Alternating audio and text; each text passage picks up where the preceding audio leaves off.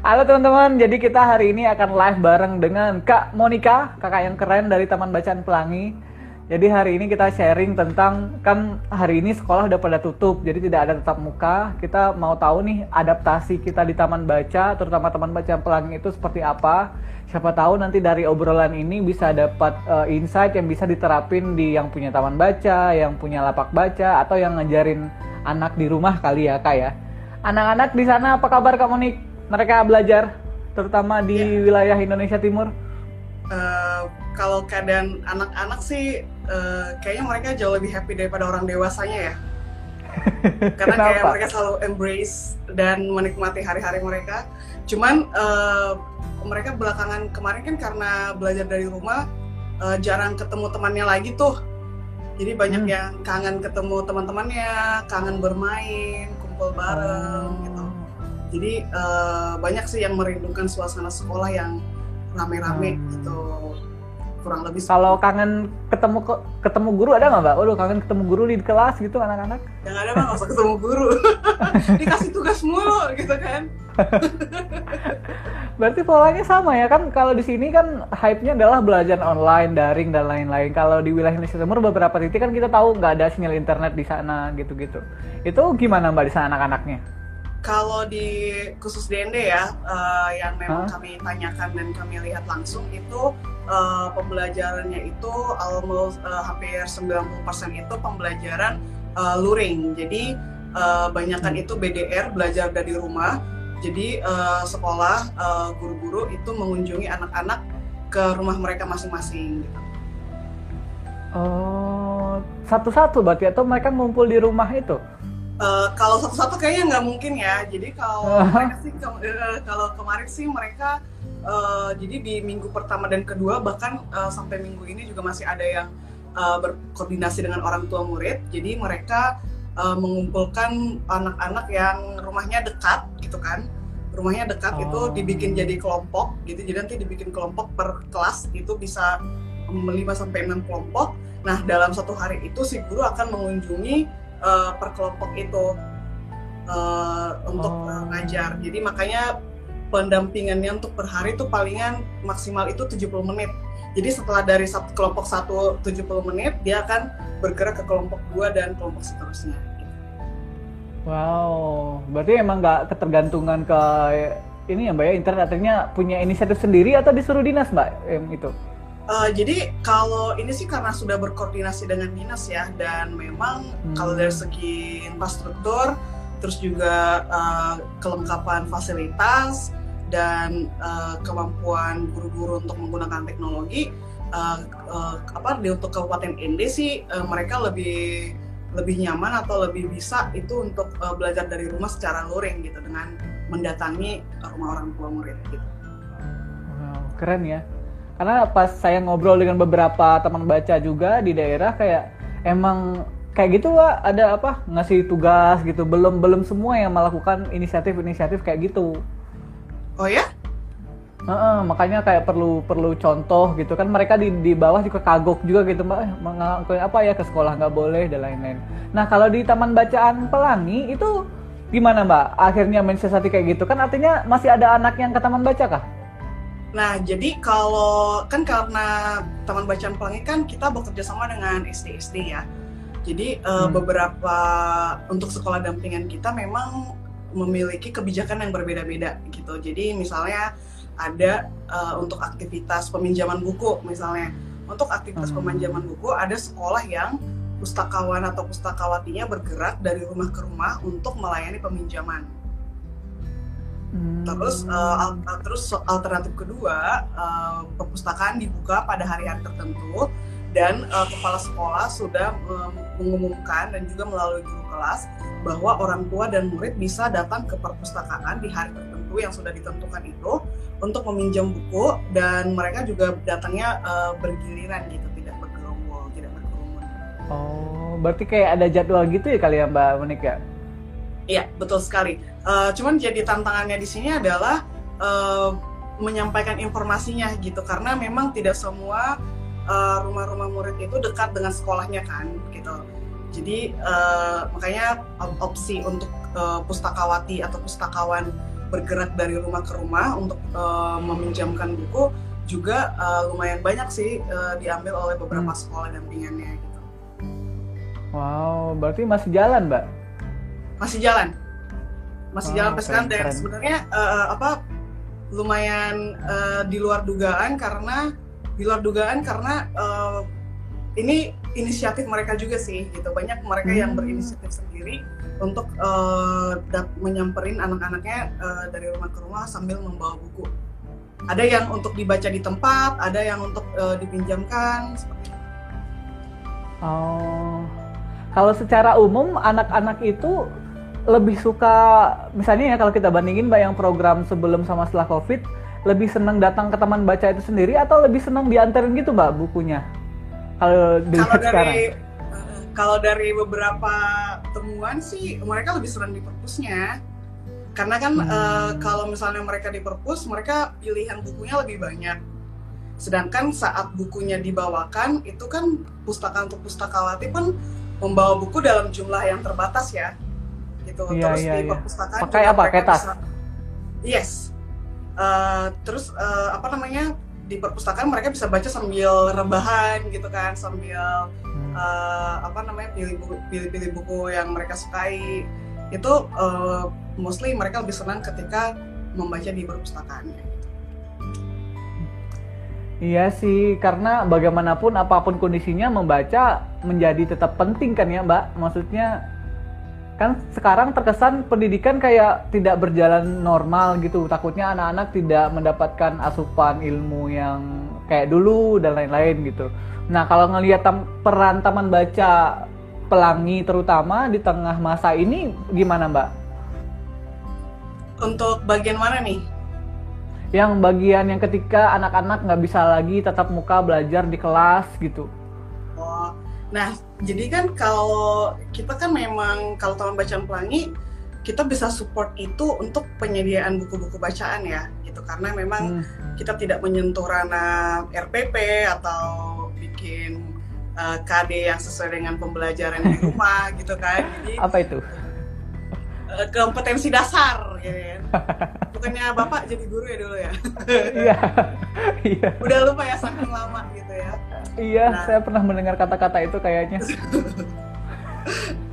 nah jadi uh, support yang yang kami lakukan sih uh, kan kebetulan untuk sekolah mitra tamu baca Pelaya kita kumpulin tuh di WhatsApp grup hmm. di WhatsApp group. Nah, uh, support support oh. yang uh, jadi support support yang kita lakukan biasanya uh, selama pandemi kemarin so kita kita buat kayak uh, harian gitu kita bikin daily reminder gitu loh kayak pengumuman update informasi terbaru terus video-video uh, pembelajaran yang menyenangkan terus uh, apa link atau tautan webinar-webinar yang bisa mereka ikuti hmm. gitu. jadi kami juga uh, jadi baratnya menjadi messenger gitu ngumpulin informasi yang mungkin saja mereka semua nggak dapat uh, itu kita bagikan kayak gitu sih kita juga kasih support oh. secara moral ya dalam arti kita tidak maksudnya selama pandemi kemarin uh, tidak hanya tidak hanya dalam tanda kutip mengganggu sistem pendidikan gitu tapi juga uh, mereka sendiri sebagai guru secara mental juga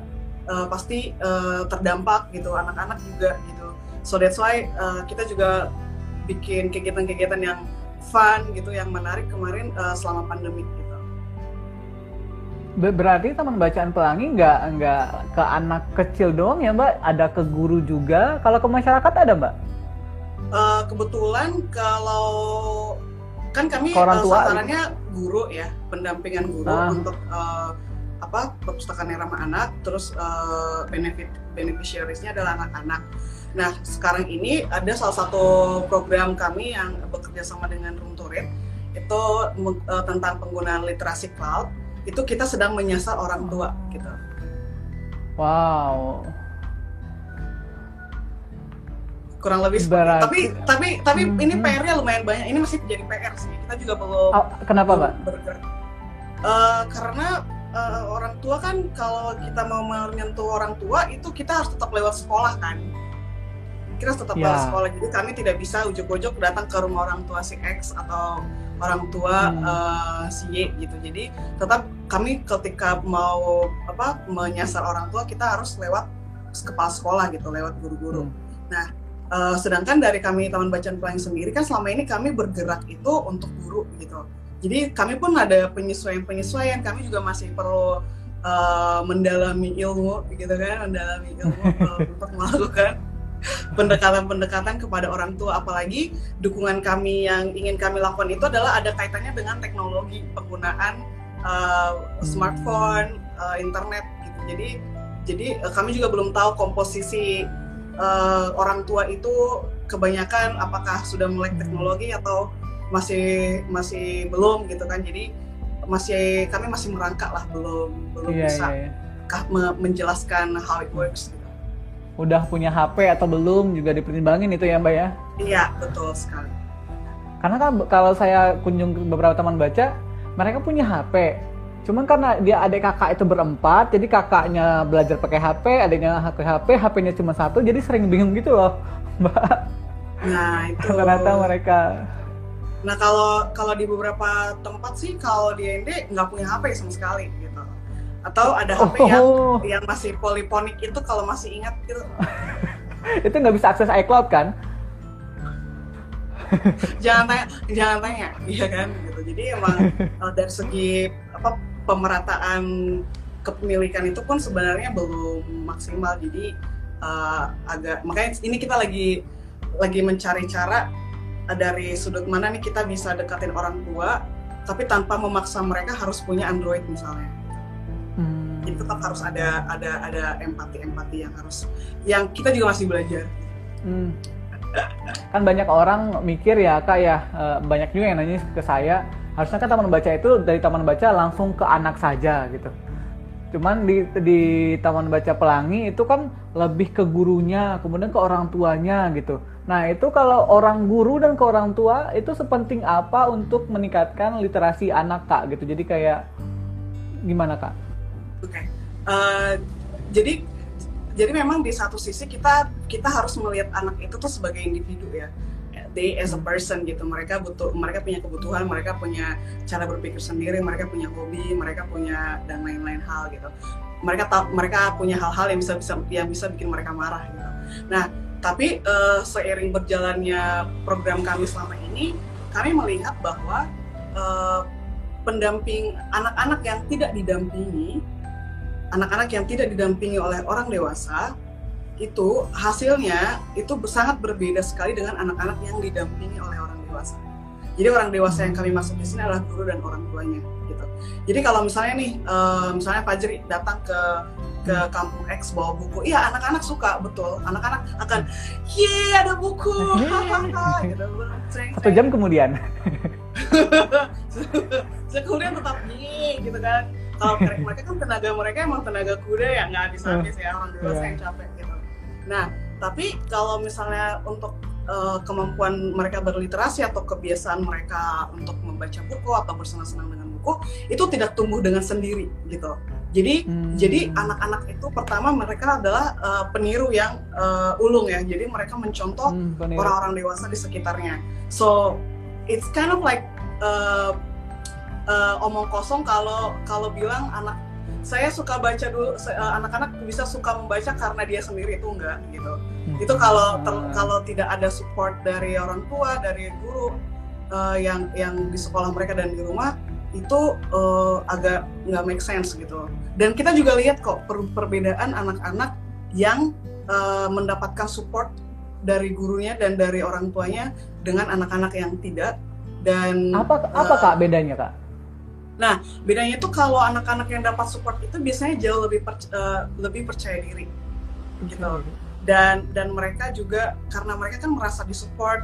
Sama lah seperti kita orang dewasa kalau kita Hmm. merasa disupport gitu kan dapat dukungan terus selalu diperhatikan itu kita biasanya kayak jadi lebih percaya Iya, diri terus Percaya uh, diri.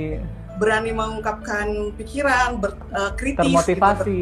termotivasi. Nah, dan kami melihat anak-anak yang di yang tidak disupport. Jadi makanya agak makanya kadang-kadang kalau di perpustakaan yang kami dampingi, perpustakaan pun tidak efektif kalau tidak eh, tidak ada guru atau pengelola yang memang berdedikasi untuk mengelola perpustakaannya. Hmm. Gitu. Jadi jadi peran orang tua, peran orang dewasa termasuk guru, it's really important dan itu hal yang paling utama banget uh, apabila kita ingin menumbuhkan anak-anak yang cinta buku gitu. Kurang Hmm. lebih seperti itu. Ada banyak banget biasa. padahal basic baru ada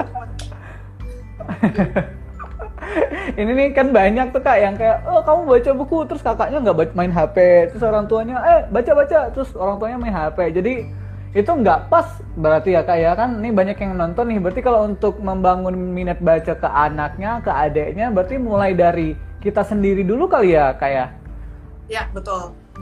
Dan dan kasih contoh sih.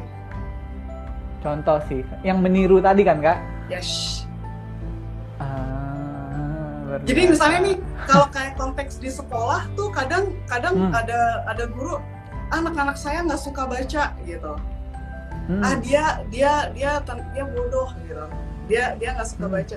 Padahal ketika si gurunya ditanya, e, ibu suka baca juga nggak? Ternyata ibu gurunya nggak suka baca. Terus ketika ditanya orang di rumahnya, di rumah itu tidak ada orang dewasa yang mensupport si anak itu untuk senang membaca. So jadi Hmm. kita menjudge anak itu nggak suka baca eh, karena kita nggak support gitu.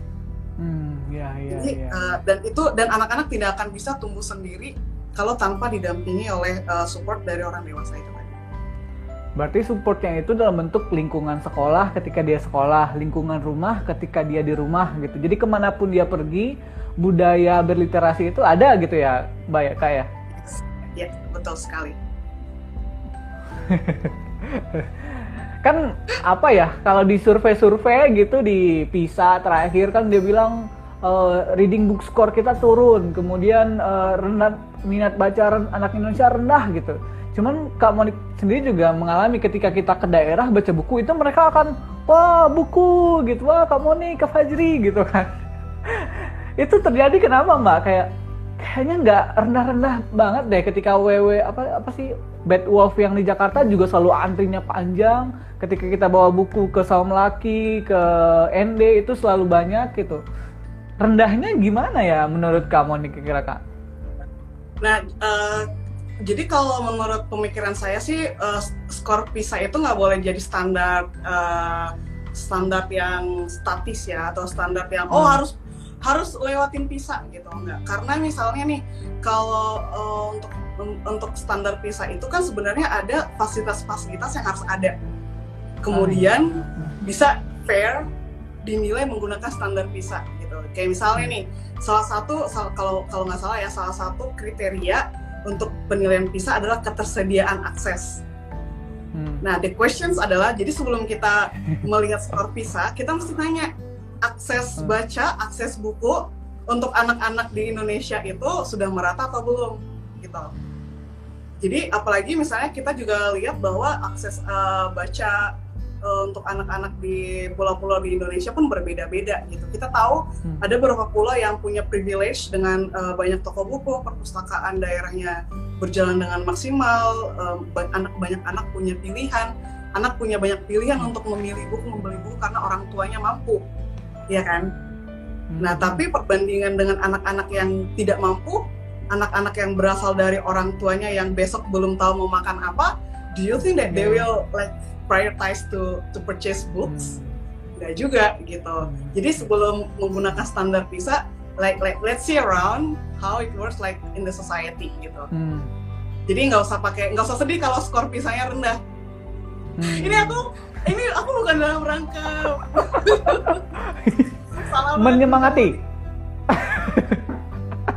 Tapi untuk untuk menggunakan PISA sebagai standar bagi government bagi pengambil kebijakan itu bisa banget gitu Wajib Jadi, gitu. Biar dia termotivasi banget, lagi. Hmm. yes untuk bikin kebijakan yang eh, merata gitu yang distribusi misalnya untuk akses buku oh ini jadi standar nih dipakai untuk Hmm. seluruh Indonesia misalnya jadi tidak ada ketimpangan distribusi buku so that's why oke eh, untuk standar PISA kasih ke government aja lah gitu nggak usah kasih ke Hmm, taman iya, bacaan iya. atau ke sekolah-sekolah Kita fokus yang di bawah aja lah ya, Mbak ya. Iya, usah dipikirin yang itu ya. Surat gitu ya, anaknya anak-anak uh, kuliah gitu lah. Gitu, babat Kita fokus door to door ke Bu, udah baca belum anaknya? agen dong, agen, agen ini ya. Agen. iya, MLM, MLM Kak. Dari downline. Yo, nah, kurang lebih seperti itu sih menurut saya tentang uh, apa uh, semua anak suka buku kok. Semua anak Iya, senang iya, banget karena kalau kan- dikasih buku. Kemampuan dasar mereka itu sebenarnya curiosity karena saya ingin tahu kan apa pun termasuk buku gitu. Iya, iya betul. sih. Udah udah kata banget lah kamu nih kayaknya tentang literasi ini. Oh enggak, saya belum saya belum hatam, saya masih uh, remah-remah roti lah. Kak, kalau di Taman Bacaan Pelangi udah ada berapa Kak kita sekarang Taman Baca? Dan di mana aja? Nah, uh, kalau hitungannya since 2009 sih kita sudah establish itu like 132 libraries. gitu kan. Wow. Tapi uh, di 132 ini pun uh, ada yang works, ada yang enggak gitu. Seiring Hmm. berkembangnya uh, zaman gitu, ada yang uh, tidak lulus seleksi alam gitu kan, ada yang lulus seleksi alam. Uh, kita Growth mulai itu dari- mandiri ya Kak? itu kita Hmm. mulai dari NTB, Lombok itu Lombok, Sumbawa, Flores, Sulawesi, Hmm. Sulawesi Selatan, Sulawesi Tenggara, Maluku, eh, sampai Papua dan Papua Barat. Fokus di timur ya Kak? Ya, kita di Indonesia bagian timur. Hmm, mantap. Nah, kok hilang? Dia sempat post Oh, ada. Tadi. Kak. Oke kak, em, banyak banget sih tadi yang kepikiran kayak oh iya ya gitu sepenting itu ternyata peran orang orang dewasa kak kakak Monik nyebutnya orang tua dan ini gitu. Artinya di mana pun maupun di desa ataupun di kota kita sebagai orang dewasa itu wajib memberikan contoh kepada anak-anak atau adik-adik kita agar mereka juga minat baca gitu ya kak Monik ya. Ya, jadi Hmm. selain memberikan contoh, we also provide them uh, lingkungan yang uh, mensupport itu gitu. Hmm, kita harus uh, kita harus menyediakan lingkungan yang ramah anak juga gitu. We should be uh, jadi orang orang dewasa yang ramah anak gitu. Jadi selain menjadi contoh, kita juga harus support uh, secara lingkungan uh, sekitar kita untuk menjadi orang-orang dewasa yang ramah kepada anak-anak. ramah anak itu kayak apa kak? Rajin menjamah. Oh enggak. Rajin eh gitu ya. Uh, jadi kalau jadi kalau ramah anak ini kami definisikan itu sebagai uh, orang dewasa yang secara bahasa tubuh, pilihan kata Ah. itu uh, adalah orang dewasa yang uh, ramah kepada anak-anaknya gitu. Anak-anak di sekitarnya, nggak mesti anak Iya, anaknya ya, Ah. gitu. Jadi dan itu bisa kelihatan dari bahasa tubuhnya, dari pilihan-pilihan katanya Hmm, itu uh, bisa kita kategorikan ramah anak atau tidak. Gitu. nggak gampang marah lah ya kak ya. Karena kan Eh, eh, Kalau ngamuk apa? sih boleh, It's, itu manusiawi banget ya. Tapi jangan pakai parang. karena karena, Karena kan maksudnya itu, sel- itu boleh ngamuk Gimana, boleh, tapi di ruangan lain gitu kan. Kayak gitu. Ini delay nggak kak? Delay. Sem- sempat beberapa detik. Oh, kan stereotipnya perpustakaan itu adalah yang kayak hening, terus penjaganya pemarah gitu kan, terus kita berisik dikit, wih diam gitu kan. Harusnya Nah, kalau kalau teman di- baca gitu nggak, mbak? Oh, kalau di taman bacaan, eh, kalau di perpustakaan yang kami dampingi sih, kami pengen eh, perpustakaannya justru berisik. Nah, itu ramah anak juga kan harusnya kayak era berisik itu, Itu ya mereka lari-lari senang bahagia gitu. Ya lari-lari tidak membahayakan diri dan teman-temannya juga sih. So it's still like they have rules ya gitu. Iya iya iya. kesepakatan-kesepakatan gitu. Jadi kalau ramah Hmm. anak itu uh, it doesn't necessarily harus diam gitu sih. But Hmm. uh, kalau kita sih selalu untuk kayak sekolah dampingan kita, kita selalu uh, menekankan bahwa anak itu bisa jadi diri mereka sendiri ketika berada di Hmm. perpustakaan gitu. Diri mereka Kurang lebih seperti itu. Ah iya iya iya.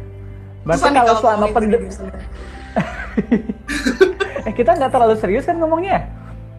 Nah justru saya mau tanya, ini si Monik nih omongannya agak-agak aliran-aliran sesat atau bagaimana ini? Gak apa-apa mbak. Nanti ini ditaruh di IGTV-nya Taman Baca Inovator mbak. Oke oke. Biar ilmu bagi orang lain. Waduh, buset. Berat amat. Mbak, kalau pandemi ada bedanya nggak mbak minat baca anak-anak di sana? Sebelum pandemi sama pandemi sekarang?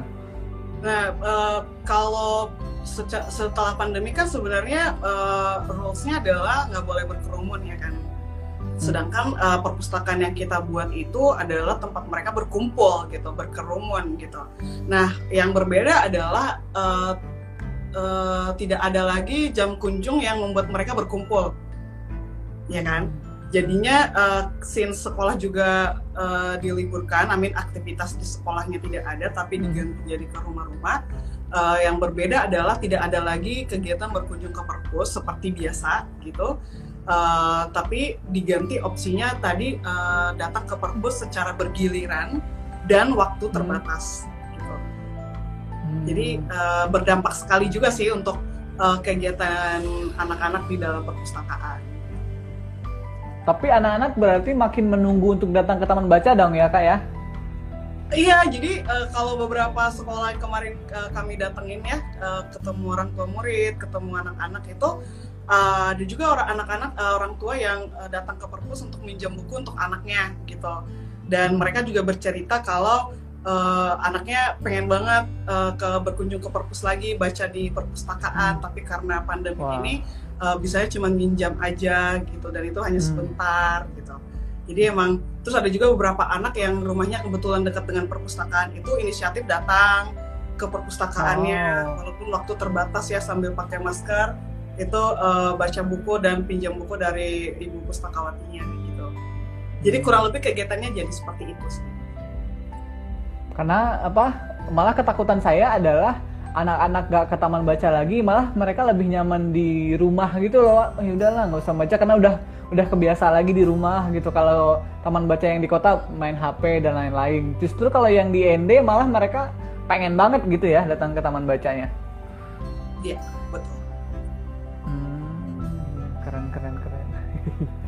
Ini tinggal tunggu nah, kapan mungkin saya buka aja.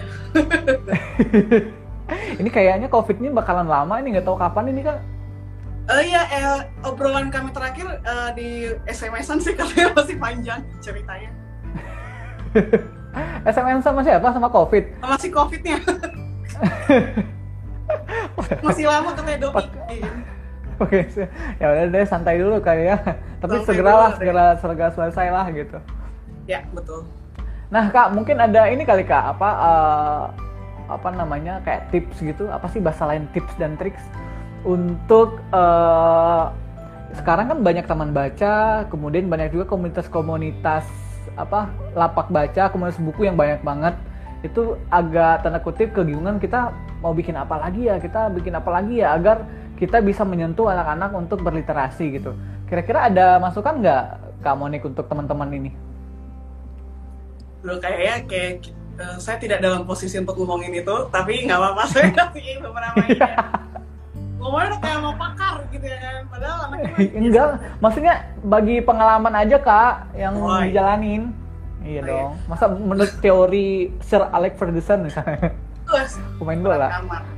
Nah, uh, kalau jadi since ini pandemik sih sebenarnya satu hal yang uh, ingin selalu saya ingatkan juga kepada teman-teman pegiat literasi dalam bentuk apa pun kegiatan kalian. Dan juga uh, saya juga kadang uh, selalu ingatkan sama tim saya juga adalah uh, jangan jangan memaksa gitu. Don't push yourself too hard gitu. Lu harus ngelakuin sesuatu. Lu harus bikin hmm. apa? gitu. Enggak don't don't gitu. Uh, jangan jangan ada jangan ada pressure untuk melakukannya gitu. Uh, itu itu itu itu pintu gerbangnya dulu ya Hmm, nah, okay. terus untuk uh, teman-teman yang ingin uh, melakukan kegiatan selama pandemi, jelas ya uh, patuhi dulu protokol kesehatan.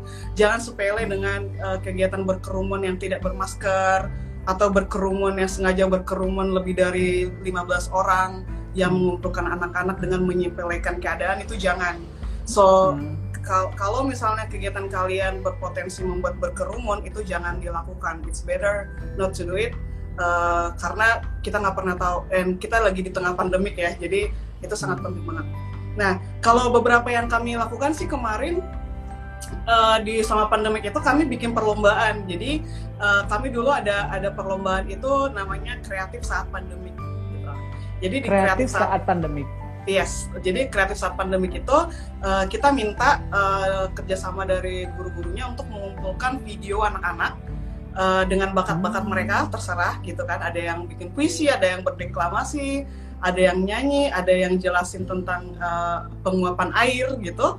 Uh, wow. Itu di ada yang tari-tarian tradisional itu kita kumpulin gitu. Jadi mereka mereka bikin video-video itu kita kumpulin terus untuk semua yang berpartisipasi itu kita kasih hadiah gitu hmm. terus uh, selain itu juga di kegiatan selama pandemi kemarin uh, kami juga bikin uh, kegiatan membaca memvideokan gitu. Kita bikin konten. Read aloud ya? Hah? read aloud itu ya kak ya? Yes. Itu kita bikin hmm. konten itu dan uh, kita bekerja sama dengan guru-guru di sekolah mitra. Jadi kita pun saat syuting itu kita tidak berkerumun gitu kan. Kita juga uh, menjaga jarak. Jadi uh, kita kita di musim pandemik ini justru uh, ide-ide kreativitasnya tuh datang gitu kan. Nah jadi hmm. di, di video kemarin itu kita kita men kayak hampir 50 guru uh, berpartisipasi. Wow. Dan bahkan ada yang uh, apa namanya kayak saya mau juga dong gitu. Jadi uh, ini juga jadi momentum mereka untuk uh, menunjukkan aksinya mereka gitu kan. Uh, pertama kali berarti mbak mereka bikin online learning gitu buat anak-anaknya? Apa pertama kali berarti guru-guru bikin video online learning ya. buat anak-anaknya ya wow. karena karena uh, kita juga nggak ngerti ya apakah karena mereka sebenarnya bisa tapi tidak didukung fasilitas atau nggak kepikiran bahwa bisa juga ya ternyata melakukan ini gitu. Jadi uh, jadi setelah video-video itu kami edit, itu kami bagikan lagi ke guru-guru yang bersangkutan untuk mereka share uh, ke grup WhatsApp orang tua dan itu bisa mereka gunakan sebagai pengganti kegiatan membaca cerita di dalam perpustakaan. Jadi dibacakan cerita oleh gurunya gitu. Oh.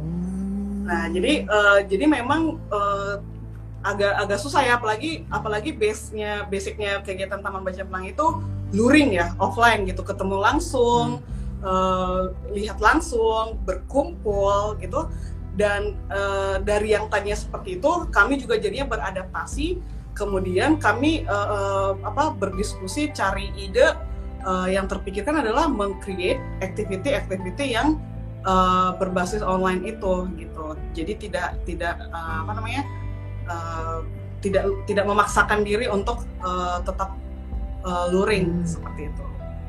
Dan juga ide ide untuk meminjamkan buku dari rumah ke rumah itu it's very good idea. Uh, Efektif ya kak ya? Ya karena kan itu kan didatangin dari rumah ke rumah, so potensi berkerumun juga tidak ada ya gitu. Jadi hmm. itu juga uh, bisa banget dilakuin. Uh, kayak misalnya kayak ada guru uh, dampingan kami di Raja Ampat itu uh, Mama Iren itu pakai noken jadi dia pakai noken no. taruh kan yang ini ya hmm. uh, kan bisa ditaruh di kepala juga itu iya, uh, taruh tar jadi dia buku-buku itu buku-buku perpus dia taruh di nokennya terus dia jalan dari rumah ke rumah uh, dan juga kalau yang agak jauh dia naik motor untuk melayani peminjaman buku. So untuk para pegiat literasi itu bisa banget dilakuin juga. Wah, keren banget sih. Iya sih kebetulan maksudnya kita kita nggak bisa pasif aja gitu ya kayak oh, udah nunggu karena selesai terus kita ya udahlah selesai baru kita mulai lagi gitu kan makanya harus dipaksa untuk kreatif melakukan apa aja yang bisa dilakuin. Salah satunya itu apa namanya tadi mbak? Uh, guru kunjung. Kreatif. apa? Uh, pustakawan uh, kunjung ya? yang minjamin yang pustakawan ke ya? rumah-rumah? Ya uh, ya. Wah. Uh, peminjaman dari rumah ke rumah. Berarti kegiatan kerelawanan di Taman Baca Pelangi juga hall atau juga ada kegiatan yang kayak begitu, Kak Monik? Jadi since uh, kita memang sudah bekerja sama dengan mostly sekolah dasar SD, so basically oh. the volunteers ya the librarian hmm. gitu dan ya, ya. dan relasi mereka ke, ke taman bacaan kan we are partners ya gitu kita mitra yang setara gitu so uh, untuk teknisnya untuk idenya kita kasih gitu buat yang menjalankan dan yang mensupport yang bisa kita support akan kita support but mostly uh, selama ini sih kita pengen uh, sekolah uh, fully support untuk uh, guru-guru or pustakawan yang ber, uh, berinisiatif melakukannya. Hmm.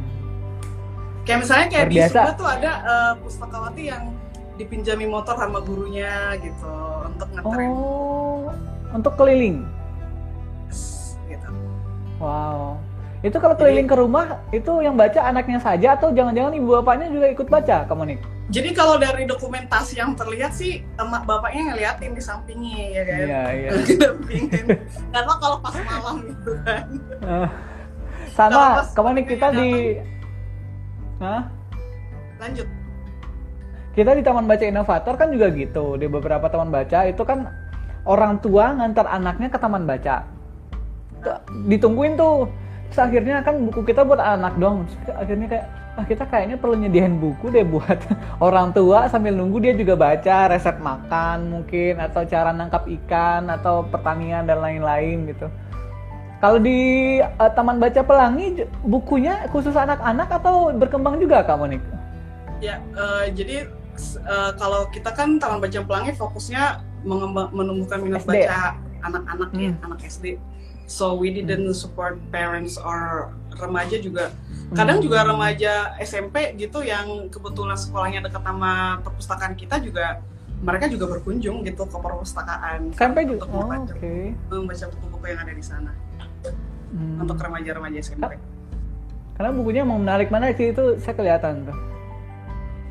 itu saya ngeliatin bukunya. ini ini ini eh, ini khusus untuk pamer doang sih biar ada bagus laparnya ya kan Bener. Biar kelihatan baca banget. Kamu ini udah baca belum buku di belakang itu?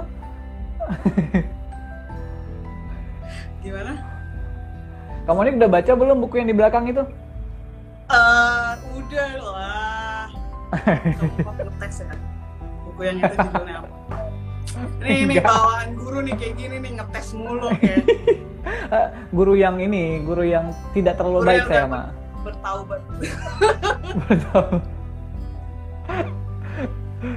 Kamu nih eh, Taman Baca Pelangi kan khusus di Indonesia wilayah timur. Eh, tantangan yang paling besar itu sebenarnya mengembangkan taman baca atau mengembangkan minat baca anak literasi itu di tempatnya Kak Monik, Taman Bacaan Pelangi itu apa Kak Monik? Tantangan yang paling besarnya itu? Jadi kalau berbicara tentang tantangan itu nggak bisa ngomongin satu ya kan, karena tantangan bisa datang dari banyak hal gitu, bisa dari Aha. internalnya sendiri, bisa dari government, bisa jadi bisa dari schools partner, bisa dari uh, outside uh, segala macam. Saya kalau nggak punya uang juga nggak bisa bikin library ya kan, dan itu Iya tantangan gitu kan. Maksudnya tantangannya banyak. Tapi kalau untuk uh, kami sendiri yang ada di uh, fokus di Indonesia Timur sih uh, tantangan tantangannya ini sih kayak mindset sih lebih kayak uh, Mindset. Iya, merubah mindset uh, guru-guru yang kita datengin, sekolah-sekolah yang kita kunjungin, pemda-pemda yang kita datengin, yang kita ajak kerjasama about uh, importance of reading gitu. Jadi susah, Hmm. susah kita mau mau ngajak orang suka baca, tapi mereka sendiri nggak suka baca gitu ya kan. Jadi Hmm. how we uh, memas- bagaimana kita bisa mengajak Pemda bekerja sama dengan kita betapa pentingnya buku ini sedangkan banyak misalnya dari Pemda-Pemda itu orang yang nggak suka baca gitu Hmm. jadi itu tantangan gitu terus juga ketika di level sekolah kita pengen guru mendampingi uh, anak-anak saat jam kunjung di perpustakaan Hmm. tapi mereka sendiri nggak suka buku nggak suka baca Hmm. gitu kan jadi Iya, iya. eh, itu juga tantangan bagi kami terus misalnya untuk sekolah kita butuh support dari kepala sekolah support kepala sekolah untuk eh, melakukan kegiatan membaca mensupport guru-guru untuk mendampingi anak-anak tapi kalau kepala sekolahnya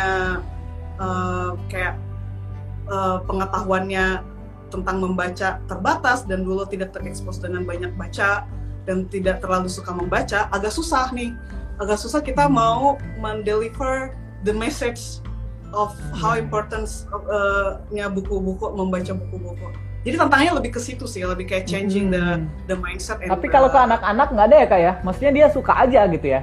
mereka terima jadi aja jadi silakan datang aja kakak kami terima anak-anak mah nggak ada Ada nggak sih kak anak Maksudnya anak-anak yang biasanya kan kalau beberapa daerah yang saya datengin pulang sekolah itu biasanya mereka ke laut kalau yang deket laut ke kebun kalau yang deket kebun gitu disuruh orang tua kalau di sana masih begitu kak anak-anak ya iyalah menurut anda? Ya. berarti waktunya terbatas dong kak. Berarti Waktunya mereka kata membaca pas jam sekolah aja ya berarti ya? Ya sama eh, eh, sebenarnya kalau nggak ada TV sih eh, bisa aja gitu. Cuman malamnya misalnya bisa nonton sinetron ya kan? Jadi so that's why so that's why dampingan orang tua itu penting gitu. Nah iya benar banget ya. Jadi Iya, makanya iya, kalau iya. TBP kan karena kita emang dampingin di sekolah jadi kita ingin maksimalin eh, waktu yang mereka miliki di waktu sekolah di sekolah Yes, untuk meng- untuk terekspos dengan bacaan dengan uh, library gitu. Nah di rumah kan di luar ranah kita ya, so Hmm. so that's why uh, apa kita ingin maksimalin di di sekolah dulu. Gitu. makanya guru tuh pilar penting ya mbak ya untuk minat baca anak-anak ini Apa? makanya guru itu jadi pilar penting banget untuk membangun minat baca anak ini Yes, betul sekali. Setuju. tadi kan tantangan tuh. tadi kan tantangan tuh, lawan tantangan itu apa ya? Keuntungan ya? Kemudahan. Solusi. Nah, kalau kemudahan membangun minat baca di daerah timur sana, Mbak, tempatnya TBP apa, Mbak? Kemudahan-kemudahannya. Ada cerita nggak, Kak Monik? Mungkin karena selama ini selalu fokus dengan tantangan, saya nggak tahu nih mudahnya jadinya apa ya. Nih, nih, begini nih. Mikirnya tantangan mulu kemudahan. Nah kalau dari kemudahan,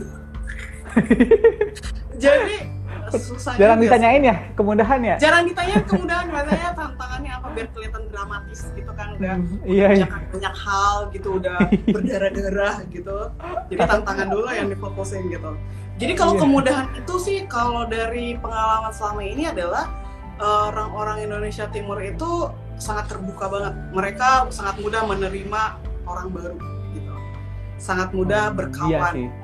Jadi sangat mudah eh, apa menerima hal-hal baru. Jadi itu dia kenapa ketika idea of eh, membuka perpustakaan atau eh, ngasih buku mereka senang banget gitu senang banget dan kita juga jadi sebenarnya kita punya momentum. Jadi kalau kita punya punya agenda tersembuh tersembunyi atau mau kampanye sebenarnya bisa banget nih kita manfaatkan gitu kan saking ramahnya mereka gitu ya kan Hmm, iya, Nah, iya, jadi iya. eh, kemudahan-kemudahan yang kami dapatkan itu eh, biasanya mereka sangat eh, terbuka. Terus kalau dimintain tolong mau bantuin, eh, terus abis itu juga eh, kita disupport gitu. Jadi kalau misalnya kayak kita datang atau kita udah sering berkunjung, kita selalu dikasih makan gitu ya kan, minum Hmm. kopi. Iya. gitu. Saya selalu senang, Mbak, kalau ke sana. Ikannya besar-besar, segar-segar. Ya ampun, nah itu ya kan. Jadi nggak pernah kelaparan tuh kalau kalau misalnya bertemu dengan eh, mereka Baik-baik banget tuh. Hmm. gitu. Jadi eh, itu sih itu salah satu eh, salah satu itu itu sih yang menurutku memudahkan dan juga kenapa eh, banyak eh, tim Taman Bacaan Pelangi yang sebelumnya juga eh, apa menikmati pekerjaannya dan kebetulan juga tim kita kan banyak yang suka jalan-jalan tuh ya gitu ramah-ramah Iya, iya, juga dengan penduduk lokal gitu jadi mereka bakatnya teraktualisasikan gitu. bersosialisasi Iya, iya. gitu Bakat-bakat pengen makan di rumah masyarakat gitu ya, Kak ya? yes benar banget itu itu semua teraktualisasi Iya, benar sekali itu. ini lagi ngomong Berarti apa ya TBP TBP berarti udah berapa tahun, Kak? Eh, 10 tahun since Wow, uh, 2009 2009. 7. Saya apa baca artikel tadi 2007 udah ada belum? Oh, itu Mbak Nila, Mbak Nila yang diriin Taman Baca sendiri ya? Satu itu. We established since 2009 Wow. kita baru tahun 11 lalu ngerayain ya? 10 tahun om ya kan Oh. Sa- mungkin artikelnya salah jadi ntar uh, konfirmasi Kalau Nick dari 10 tahun. dari 10 tahun perjalanan Taman Baca Pelangi, ada hal cerita unik nggak kak? Maksudnya eh, mengajarkan anak dari yang beneran belum bisa sampai bisa gitu, ada cerita nggak kak? Yang bisa di share buat teman-teman yang menonton? Ada yang nonton nih? Ada berapa nih? Ada empat. lucu banget nah gitu dong kenal ya itu baru nah, nanti aku seleksi kamu untuk masuk circle-nya aku ya oke oke Iya. Ah, cukup receh kok. cool Uh, uh, jatuhnya sih itu jadi apa ya kalau cerita-cerita menginspirasi selama uh, 10 tahun terakhir since sebenarnya aku nggak nggak mengikuti dari awal ya aku bergabung 2004 gitu. Jadi baru jadi setengah umurnya TBP aku ada gitu setengah ya kan. Uh, yang yang aku temukan sih cerita menginspirasi adalah jadi cerita menginspirasi itu adalah orang-orang yang uh, jadi ini bisa jadi pengalaman personal ya. Soal aku nggak bisa bilang TBP terinspirasi aku nggak bisa bilang gitu. But Hmm. as a person gitu uh, yang mengerjakannya dan uh, ada di lapangan gitu uh, menurut aku adalah yang menginspirasi adalah ketika uh, jadi aku berbicara as a person ya gitu uh, bukan secara lembaga. Adalah ketika bertemu orang-orang yang uh, mengerjakan tugasnya itu beyond their their job description gitu. Jadi uh, aku aku sampai sekarang itu masih sangat terkesan banget uh, sangat ingat banget itu dengan sosok gitu. Uh, saya waktu saya di Sentani uh, waktu bikin perpustakaan di Sentani di Papua itu uh, saya bertemu dengan Pak Guru namanya Pak Guru Aser. Itu dia waktu itu umur 72 tahun. Sebenarnya dia udah pensiun but uh, secara uh, sukarela dia mau ngajar uh, ngajar kelas 6 waktu itu. Dan aku ngelihat ha- bagaimana orang murid-murid itu respect banget sama dia gitu kan. Dan waktu jadi waktu waktu kita lagi bikin library itu jadi si si bapak guru ini itu selalu datang pagi-pagi. Kayak masih gelap gitu masih subuh itu dia sudah berangkat ke sekolah gitu kan. Dan itu nggak pakai alas kaki. Jadi jadi waktu bikin library itu dia nanamin bunga tuh di hampir ujung eh, lapangan lah semuanya di depan kelas dan lain-lain itu semua ditanamin gitu. Terus eh, terus pokoknya dia aktif banget beliau aktif banget gitu. Eh, berdedikasi banget gitu. Terus waktu itu saya tanya kan Pak Guru eh, Pak Guru tidak pernah tidur siang kah? Gitu. Eh, karena dia sampai sore juga ada di di sekolah kan untuk bantu perpustakaan itu terus Pak Guru ada bilang begini ah nanti saja sekalian di kuburan. Gitu. jadi Wow. jadi jadi abis ngomongin abis si bapak guru ngomong itu aku kayak langsung speechless gitu kan. Dan dan Iya, aku iya. menyaksikan beliau aku menyaksikan beliau aku melihat how dia mencontohkan gitu apa yang dia katakan apa yang dia tanpa harus ngomong sih sebenarnya. So his spirit uh, pada saat itulah yang aku ingat sampai sekarang. And juga sebagai salah satu alasan mungkin kenapa aku melakukan ke- uh, yang aku lakukan itu sampai sekarang so rest in peace and rest in power Pak Guru Asar karena kayak tahun lalu saya dengar kabar beliau sudah meninggal Hmm, siap kak. ini bisa Karena- ini bisa lima jam sendiri ngomongin itu Iya. Itu kayaknya udah berkaca-kaca tuh kak matanya. kacanya emang begini matanya Oh, kaca-kaca nih kaca Iya maksudnya berkaca-kaca matanya ada kacanya. berkaca-kaca kayak gitu Oke Kurang kak. lebih. Siap siap. Kita udah hampir satu jam ini kak. masa sih persen baru mulai Iya. tadi deh kayaknya li- baru lima menit Asik asik asik. Ya, padahal baru menyapa terus tiba-tiba udah mau habis gitu ya. Asik banget kita ya Kak Monik ya. apa Asik banget kita ya. Eh, iya biar kelihatan berkualitas gitu hidupnya ya kan Nah, cuma pencitraan doang kayak gitu. Iya. Iya bener. Jadi harapannya sih yang nonton ada lima, udah lima nih tadi empat, sebetulnya tiga ada enam nih sekarang. Jadi mudah-mudahan bisa mendapatkan apa pelajaran-pelajaran gitu yang yang bagus diambil. Jadi kayak apa yang bisa kita lakukan selama pandemi, menjaga spirit dan lain-lain. Gitu kan ya kesimpulannya. Jadi sebenarnya satu jam udah ngomongin apa aja gitu kan. nah, iya. Banyak lah pokoknya Kak, banyak inspiratif lah pokoknya. Ah masa sih? Tahu nggak Kak, kita terakhir ketemu itu waktu di Kemendikbud. Eh, saya amnesia Nggak ingat pasti. itu. waktu diundang sama Mas Menteri, Kak Monik sama Mbak Nila. Saya sendiri waktu itu. Oh iya, ah. setelah kejadian itu saya amnesia jadi saya nggak ingat lagi selain saya ketemu siapa aja Oh. saya bahkan nggak Oke. ketemu mas menterinya gimana dong mas menteri yang mana ya Cukup. cukup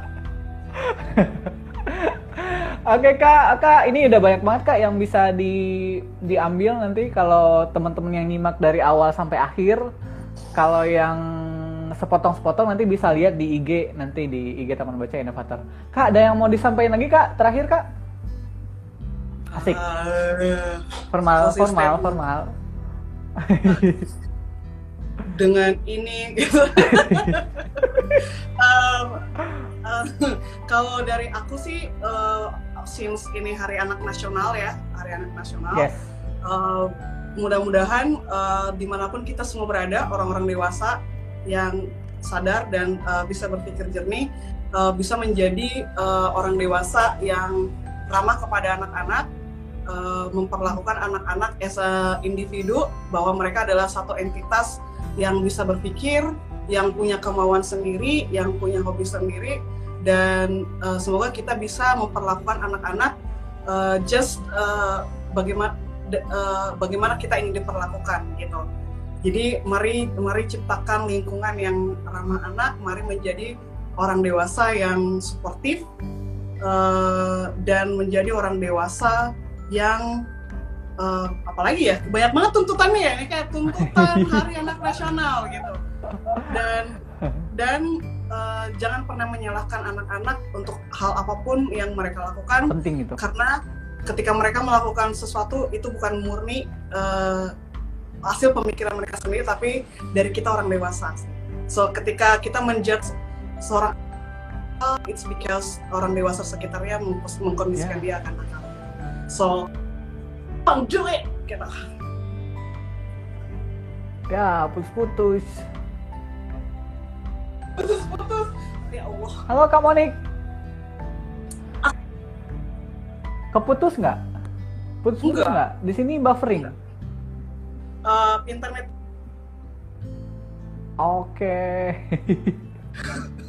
udah pesannya itu aja eh, jadi orang Siap. lingkungan yang eh, aman Ya, nyaman teman-teman, ini putus-putus. putus-putus Oke, teman-teman, sambil menunggu internet komunik lancar lagi dari ND sana, eh, kira-kira banyak hal itu yang bisa kita dapatkan. Halo komunik. Ya, kira-kira banyak banget yang bisa kita dapatkan dari obrolan tadi. Mudah-mudahan bermanfaat dan eh, tetap melakukan, tetap beradaptasi meskipun COVID. Kita harus tetap mendampingi anak-anaknya, tetap ramah anak. Dan yang paling penting adalah protokol kesehatan, kesehatan yang paling penting. Begitu teman-teman. Eh, Oke, komunik, halo. udah bisa Ah, Udah udah, bisa. lagi nih. udah bisa Udah bisa. Udah udah. Padahal udah saya speed juga yang tuh di tadi tuh apa pas buffering. Sekarang di Indonesia Timur jam berapa kamu nih? jam 5 om Wow, di sini jam 4. Berarti Ya. waktu Indonesia Tengah di situ. ya bentar lagi kami mau buka Oh. puasa di sini Siap. Berbukalah dengan yang puasa manis. sunnah ya kan iya puasa sunnah beneran Iya. Pesannya tadi Oke, Kak Monet. ya Sudah, sudah sampaikan banyak poin tadi. Pokoknya ramah ke anak gitu. perlakukan Dan selamat Hari Anak. Nasional, Kak Monik. selamat hari anak nasional juga semuanya Ya, ya. Kak Monik, terima kasih. Semoga sukses selalu Kak Monik di sana. TBP-nya semakin berkibar. bendera Kita sama- berkibar Kita bertu kita apa ya? Kita sama-sama lah eh, membantu sedikit demi sedikit anak-anak Indonesia untuk eh, menyediakan akses buku dan program kepada mereka semua. Waduh, buset. Amin. Eh, sukses juga untuk Taman Baca Inovator. Eh, terima kasih Fajri udah mengundang kami juga. Eh, nanti tunggu giliran untuk kami undang balik ya untuk minum kopi tapi. Iya. Tapi goreng pisang nggak pakai sambal. Kami pakai dong di sini. Kok jangan ngomongin sambal, boy? Oke, Kak Monik, thank you Kak Monik. Salam buat teman-teman yang di sana. Salam semangat. Jaga kesehatan di sana Kak Monik. Ya, di sana juga. Thank you Fajri. Sampai jumpa. Siap, terima kasih Kak Monik. Ya, selamat sore. Sore.